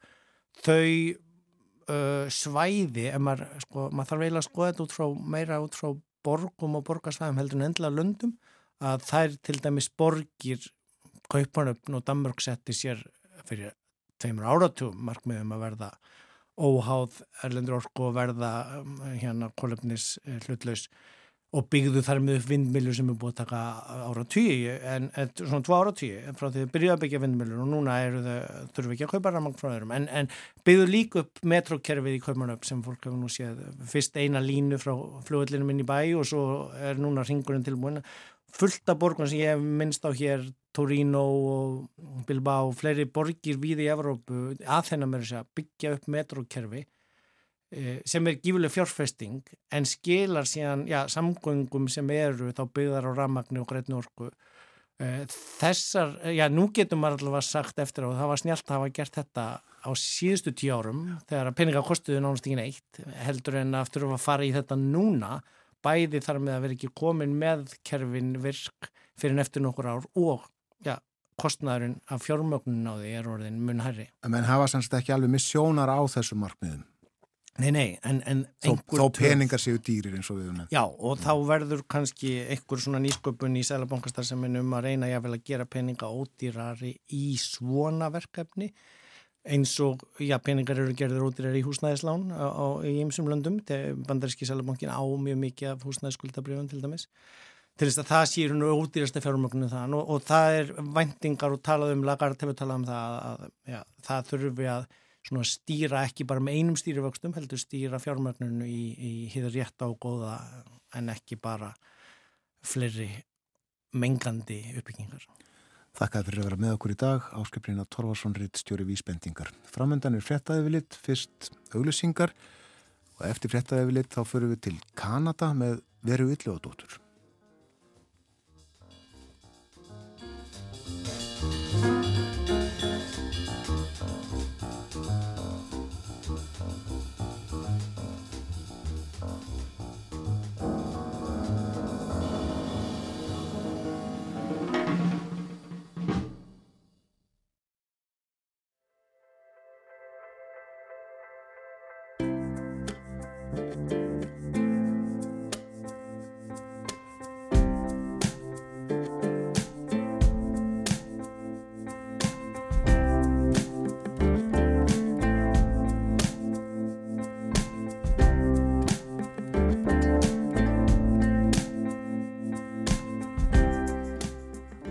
á ný, þetta er morgunvaktin á rásett klukkan réttliðlega hálf nýju. Það er miðugudagur í dag, vinnum við kann að verða hálnuð. En november hafinn, fyrsti november í dag. Abjóns, no, 30 dagar í november. Vera Eilóðadóttir er að koma sér fyrir við borði hjá okkur og uh, áðurum við tökum tal saman ætlum við að hlusta á viðfangsefni samtals okkar sem er uh, kanadísk tónlistakona. Hlustum. Indian legislation's on the desk of a do-right congressman. Now, he don't know much about the issue, so he picks up the phone and he asks advice of the senator out in Indian country. A darling of the energy companies who are ripping off what's left of the reservations. Huh. I learned a safety rule. I don't know who to thank. Don't stand between the reservation and the corporate bank. They'll send in federal tanks. It isn't nice, but it's reality. Bury my heart, it wounded me. Hún heitir Buffy St. Marie, er uh, kanadísk og uh, hefur verið til umfjöldunar í heimalandinu að undanförnum það kemur ekki til af góðu en uh, Buffy hefur verið feikilega vinsæl svo áratöfum skiptir vera. Hver er þessi kona? Já, við uh, þetta lag sem við heyrðum þarna Bury My Heart At Wounded Knee, það er frá 1992, þar uh, eins og heyra mátti notast hún við ramögnu hljóðfæri en Buffy St. Marie vakti fyrst aðtegli í svona óramagnaðri þjóðlaga senunni á sjönda áratug síðustu aldar Hún eh, kom þá fram með gítar og, og söng á uh, kaffihúsum eins og í Greenwich Village í New York á fyrirluta sjönda áratugar og uh, var þar með tónlistamannum eins og Pete Seeger, Joni Mitchell, uh, Leonard Cohen og, og, og fleirum. Þá var hún 20 og eitthvað ára, hún er fætt 1941, 82 ára í dag og hefur verið í fullu fjöri einlega að síðan hún, síðan hún kom fram á sjónarsviðið rétt upp úr 20, raunar bara í ágúst á þessu ári sem hún tilkynnti ofinberlega, hún væri ætlað að hætta að koma fram ofinberlega á sviði. Eftir 60 góð ár. 60 góð ár og hún vakti, segja má hún hafi vakið sérstaka aðtegli í þessum svona þjóðlaga og síðan hippa kreðsum fyrir ætterni sitt sem að hún hefur aldrei farið lengt með, hún er sem sé samkvæmt henni sjálfur frá af kanadískum frumbyggja ættum þó hún hafi búið lengi í, í bandaríkunum og hefur ættið sagt frá æsku sinni þannig að hún hafi verið fætt á verndarsvæði frumbyggja þjóðar í Kanada, nann og tiltekið krí þjóðarinnar í Saskatchewan, það er einn fjölmennasta frumbyggja þjóð Kanada og síðan tveggja eða þryggja ára gömul, hún viti ekki þess vegna hvenar hún er fætta nákvæmlega en tveggja eða þryggja ára gömul hafa verið tekin frá fóreldrum sínum og gefin til ætliðingar. Uh, nokkuð sem að var uh, vissulega stefna kanadískra stjórnvalda lengi svona um miðbygg 20. aldar að fjarlæga frumbyggja börn mjög ung frá fóreldrum sínum og láta séðan alaði upp eins og venjulegt fólk var svo máð orðið komast hjá, hjá kvítum foreldrum. Já, og hefur þetta skipt máli á hennar ferli í hennar tónlist þessi, þetta ætterni ef við getum sagt sem svo og æskan? Uh, já, sannlega. Hún hefur uh, vakið miklu aðtikli og uh, fyrir það að vera af frumbyggja ættum og ekki hægt að segja annað en hún hefði mjög mikið gert til þess að vekja aðtikli á málefnum og menningum, menningu frumbyggja Norður Ameríku á sínum langa og farsæla ferli kemur fram þarna á sjönda áratugnum þegar það er svona rétt er beð að byrja að tala um það í bandaríkunum að um réttindi frumbyggja þjóða og svo framvegs og hún kemur fram og, og, og, Hún tekur þátti og stiður allskins aktivisma frumbyggja þjóðabæði bandaríkunum og, og í Kanada og hefur sumleiðis gefið held ég mjög ríkulega af fjármunum sínum til slíkra mála. Hún hlaut Óskarsvælun 1982 fyrir lag, lagið Up Where We Belong, þá samt hún fyrir kvikmyndina An Officer and a Gentleman og þá var því slegið upp sem að hún væri fyrsti frumbygg í Norður Ameríku til þess að hljóta Óskarsverlun og hefur sömulegis uh, hún var lengi vel tíður gestur í batna sjónasþáttunum um prúðuleikarana Sesame Street og þar sem hún, þar sem hún kynnti bandarísk börn fyrir menningu frumbyggja og ímislegt uh, svona og hún, uh, já, hún hefur, orð, hefur orðið mikil stjarnaserilagi í, í Kanada, uh, fæðingalandi sínu þó að, þó að hún hafi sumsi verið, segir frá því að hún hafi við ætlit af, af bandarískri fjölskyldu í Massachusetts rétt hjá Boston og kemur sem sé fyrst fram í, í, í bandaríkunum hefur starfað mikið þar en síðan hafi hún farið aftur og, og kynst uh, kynst uh, sínum uppbrunna betur í Kanada og það leiti til þess uh, síðar á sjönda áratögnum að, að hún var svona endur ættleitt af, af fjölskyldu af uh, kríþjóðinni á þessu verndarsvæði hvaðan hún uh, líklegast uh, kemur. Já, það er svona eitthvað tákgræn aðtöfn. Já, Já. tákgræn aðtöfn þar. Komin aftur. Þá er það fullorinn manneskja og hún hefur rækta mjög þau, tengsl og hún er mikil stjarnar sérstaklega í, í Kanada. Hún hefur hlotið allan þann heiður sem að Kanadamanni getur hlottnast, Kanada orðuna, alls konar heiðursnafnbætur ótal eh, verðlaun fyrir tónlist sína og, og, og baráttu störf og svo framvegs og svo framvegs. Síðan gerist það í síðustu viku sem sé bara nokkrum vikum eftir að, eftir að hún tilkynir að hún sé sest í Helgan Stein loksins 81 eða 2 ára gömul.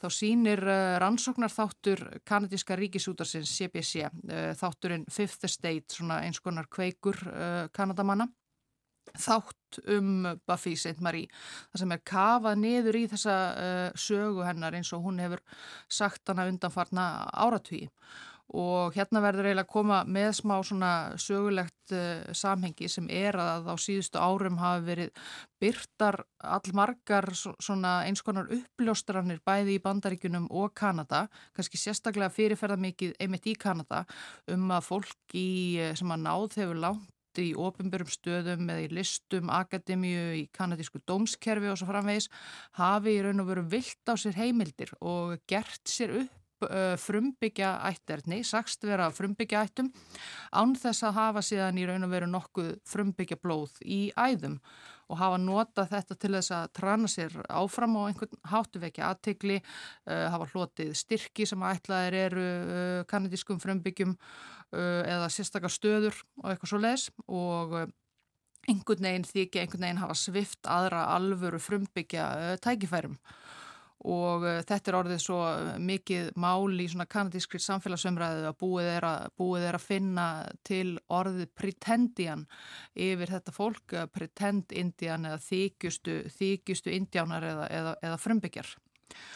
Og núna sem sé í þessum, í þessum þætti uh, Fifth Estate þá verðist Buffy St. Marie bætast á, á þennan lista yfir, yfir lottara uh, þar er rætt við ættmenni uh, Buffy í Massachusetts meðal hann stóttur bróður hennar og fleiri sem að fullir það í þættinum að það hafa aldrei nokkuð bent til þess í fjölskyldunni að hún hafi við ættleitt og aldrei talað um það uh, að, sérstaklega og aldrei talað um annað en að hún væri bara blóðskild uh, öllum öðrum í, í fjölskyldunni uh, og þetta er sem sé hvít bandarísk fjölskylda sem að rekur ættir sínar til, til Írlands og, og Ítalju Já. og sagt frá því að fjölskyldan hafi vissulega fylgst stolt með, með framgangi hennar í tónlistin á sínum tíma en alltaf veld vöngum yfir þessu akkverju hún segðist vera frumbyggi þegar enginn kannadist við það í fjölskyldunni og að endingu hafi verið talað um það í fjölskylduna best væri að vera ekkert að spyrja hana spurninga og mögulegt sem sé að hún hafi kannski uh, einhver, einhverju sinni hótað uh, eigin ættmennum lögsokn uh, færi þeirra að kynna þetta í fjölmiðlum að hún væri raun og veru ekki, ekki af uh, frumbyggjættum. Og bladamenninni fara líka á skjálasafni í Massachusetts að þeir finna fæðingarvottorðennar uh, sem að gefa til kynna og hún hafi verið fætt í Massachusetts 20. Uh, februar 1941 þeim foreldrum sem hún segir að hafi ætlit sig og alls ekki í uh, Saskatchewan. En Buffy hefur alltaf sagt sjálfa að fæðingavottor hennar frá Kanada sé tínt út uh, eða, eða því hafi verið, verið farga þegar, þegar hún var síðan uh, ætlitt og svona benda á í þessum þetta ímislegt misræmi í því hvernig, hvernig hún hefur sagt æfis, æfisögu sína og talað um ætterni sitt í, í áratögana rás eða þá fjallað um, um hana af öðrum. Og, og, og svo framvegis svona ímislegt ímislegt sem að framkemur í, í þessum þátt því þessum þætti. Þetta er skellur. Þetta er skellur og hefur valdið, hefur vakið mikla aðtikli í, í Kanada eins og ég segi þá hafa svona mál uh, komið upp uh, áður þar í landi og verið í umræðinni en þetta er kannski svona lang þekktasta manneskjan sem, a, sem að verður fyrir svona uppljóstrunum eða ásökunum og svona almennt dáðast að hún hefur verið mjög fyrirferða mikil í frumbyggja samfélagi eh, begja vegna landamærarna í Norður Ameríku áratugum saman og, og mjög margir kanadískir frumbyggjar, menningavitar, eh, leðtúar samfélagsins sem að þekkja hana persónulega eða hafa alist upp við eh, hennar tónlistýrkana og, og, og dá. Og enginn í raun og veru sem getur neita því að hún hefur vissulega gert mjög mikið til þess að vekja aðtikli á hlutskipti frumbyggja þjóða uh, álfurnar og krefjast bæði vitundavakningar og, og, og réttinda. Og hefur Buffy eitthvað sagt um þetta? Hún hefur komið fram, gaf bæði út uh, yfirlýsingu uh, í aðdraganda þessa sjómanstáttar og hefur síðan komið fram með, með aðra yfirlýsingu á sínum samfélagsmiðlum. Hún hafnar þessum ásökunum þáttarins alfarið og segir segist uh, aldrei hafa vilt á sér heimildir, hún hafi aldrei haft neina nákvæmur upplýsingar um uppruna sinn en uh, svo kona sem hún kallar uppvakstarmóður sína í bandaríkunum hafi alltaf sagt enni að hún væri ættleitt og hún væri af uh, frumbyggja ættum og Buffy segir að málið valdi sér uh, miklum, miklum sa, uh, sárundum, sömulegis uh, fjölskyldan sem að endur ættleiti hana í, í Kanada hefur líst í yfir að þau stiði hana heilsugar, þau mun alltaf líta á hana sem, sem eina af fjölskyldunni og það, það allavega nægi til þess að hún sé sannarlega, sannarlega frumbyggi og það ætti að skipta meira máli en einhver, einhver skjöl úr, úr fórum nýlendu veldana eins og, eins og það var, það var orða orðað. Nú nefnum við það að uh, útild Buffy er þannig að uh, maður getur vel trúa því að hún sé af uh, kanadískum frumbyggja ættum og það miklu frekar heldur en nokkur tíman ættu frá Írlandi og Spáni. Já, sannarlega og það er held ég megi segja að það er ímislegt ennþá óljóst í, í þessari sögu og uh, mikil umræðum þetta í, í, í Kanada og sérstaklega uh, frumbyggjar sem, a, sem að stíða þá fram og, og líst skoðun sín og það er alls ekki, alls ekki allir sammála um, um uh, þessi mál og smáatriðin í því og hvort að mögulega leynist sannleikskorn í í uh, sögu Buffy eins og, eins og hún hefur uh, sagt hana hvort að endilega eigi að treysta þessu, þessu fæðingarvottori sem að uh, fannst og svo framvegis og svo, og svo framvegis og, og, og mikið um þetta rætt og skrifað margir frumbyggjar orðnir þreyttir á þessum þykjustu indjánum sem að trana sér fram á hinnum ímsu sviðum. En um, síðan eru aðrir sem að spyrja sig hvort að hvort að eh, ríkisfjölmiðl eh, Kanada get ekki kannski eh, öðrum málum, það er ímislegt sem að, sem að frumbyggjar landsins þurfa að glíma við. En ættu kannski að setja bladamenn sína í, í, í önnur frettamál en að, en að grafast fyrir um ætterni áttræðrar uh, konu og svo framvegis og svo framvegis. Þannig að ég held að þessu máli sé, sé, sé hvergi næri lokið. Og aldrei að vita nema við eh, tölum setna aftur um Buffy.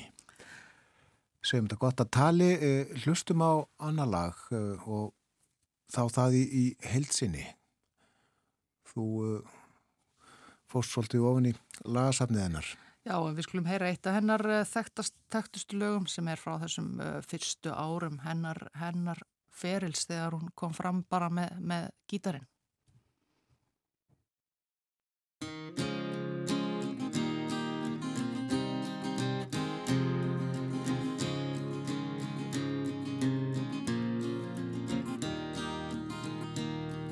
He's five foot two and he's six feet four. He fights with missiles and with spears. He's all 31 and he's only 17. He's been a soldier for a thousand years. He's a Catholic, a Hindu, an atheist, a Jain, a Buddhist, and a Baptist, and a Jew. And he knows he shouldn't kill, and he knows he always will kill you for me, my friend, and me for you. And he's fighting for Canada, he's fighting for France, he's fighting for the USA, and he's fighting for the Russians, and he's fighting for Japan. And he thinks we'll put an end to war this way. And he's fighting for democracy, he's fighting for the Reds. He says it's for the peace of all. He's the one who must decide who's to live and who's to die. And he never sees the writing on the walls. But without him, how would Hitler have condemned him at Dachau? Without him, Caesar would have stood alone. He's the one who gives his body as a weapon to the war. And without him, all this killing can't go on. He's the universal soldier, and he really is to blame. But his orders come from far away no more. They come from him and you and me. And brothers, can't you see? This is not the way we put an end to war.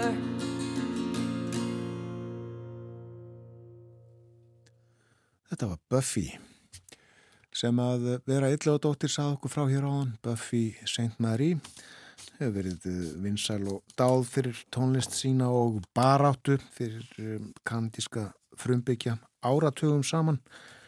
En uh, nú eru uppi evasemdir um að uh, hún hafi sagt satt í öll þessi ár um sjálfa sig, um uppbrunnan og uh, fólk ekki á eitt sátt um þetta Vestanhafs eins og vera fóru yfir. En uh, Buffy St. Mary uh, verið vinsæli á uh, lengi í 1.60 ár, hún er nýlega hægt í tónlistinni hún vakti heimsatikli á sínum tíma þegar hún hlaut Óskarsverlaun fyrir lag í kvikmynd og var þá sögð svo fyrsta af ættum frumbyggja til þess að hljóta Óskarsverlaun vera sað okkur frá þessu lægi úr kvikmyndinni An Officers and Gentlemen ekki satt, Jú, Þórun? Það passar uh, An Officer and a Gentleman kom út ára 1982 Já. og uh, Buffy St. Marie samti lægið en uh, flutti það ekki það gerðu Joe Cocker og Jennifer Warnes Já, hlusta það ekki? Hlustum á þetta lag Up Where We Belong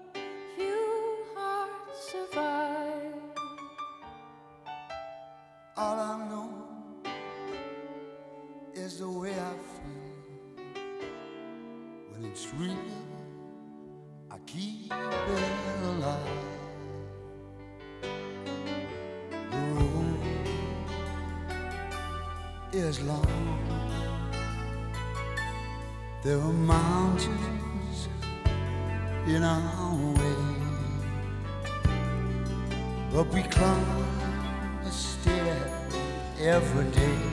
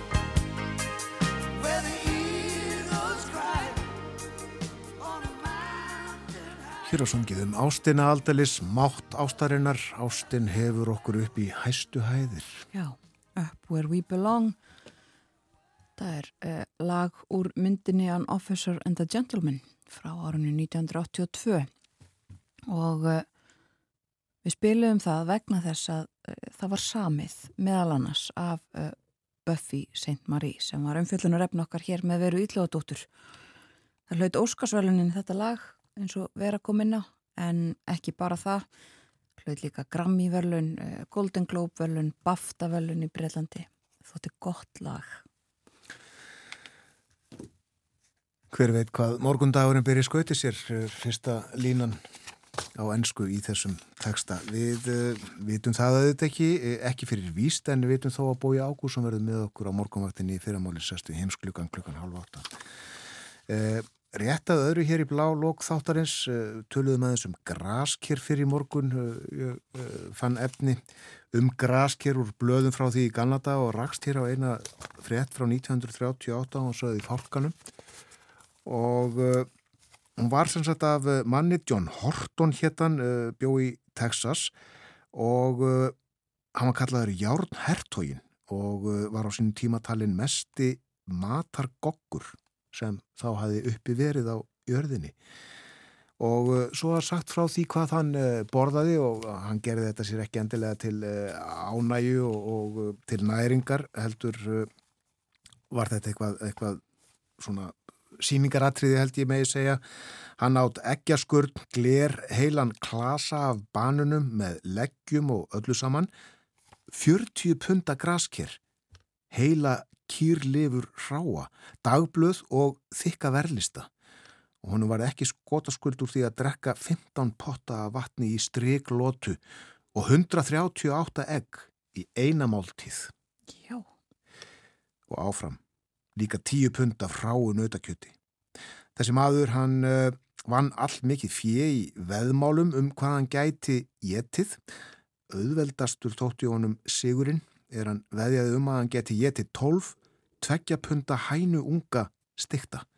En erfiðara þótti honum hins vegar að geta 12 stórar sítrónur sikur lausar og með berkinum. En mestan orðstýr gata sér er hann átt, já hlustiði nú, en uh, prófið ekki heima, hann átt heilan póka af sementi og uh, let hann svo ummælt eftir á að það myndi hann tröðla gera aftur vegna þess að eftir þessa máltíð þá hafa hann morðið illt í maganum. En það veri eina skiptið á æfinni sem að það gerðist. Já. John Horton. Hugsa að þetta ofátt sé ekki einmitt uh, ráðlagt. Uh, Anna Sýri Rólastóttir, professor í næringafræði talar um öllu hilbreyðari matarvenjur líka við okkur í fyrramálið. En við segjum þetta gott í dag. Björn Þóru og Þórun Elisabeth þakka samfélgina, við hefum verið hér frá því snemma í morgun og verðum þá líka í fyrramálið. Já, njóti dagsins í dag og verðið sæl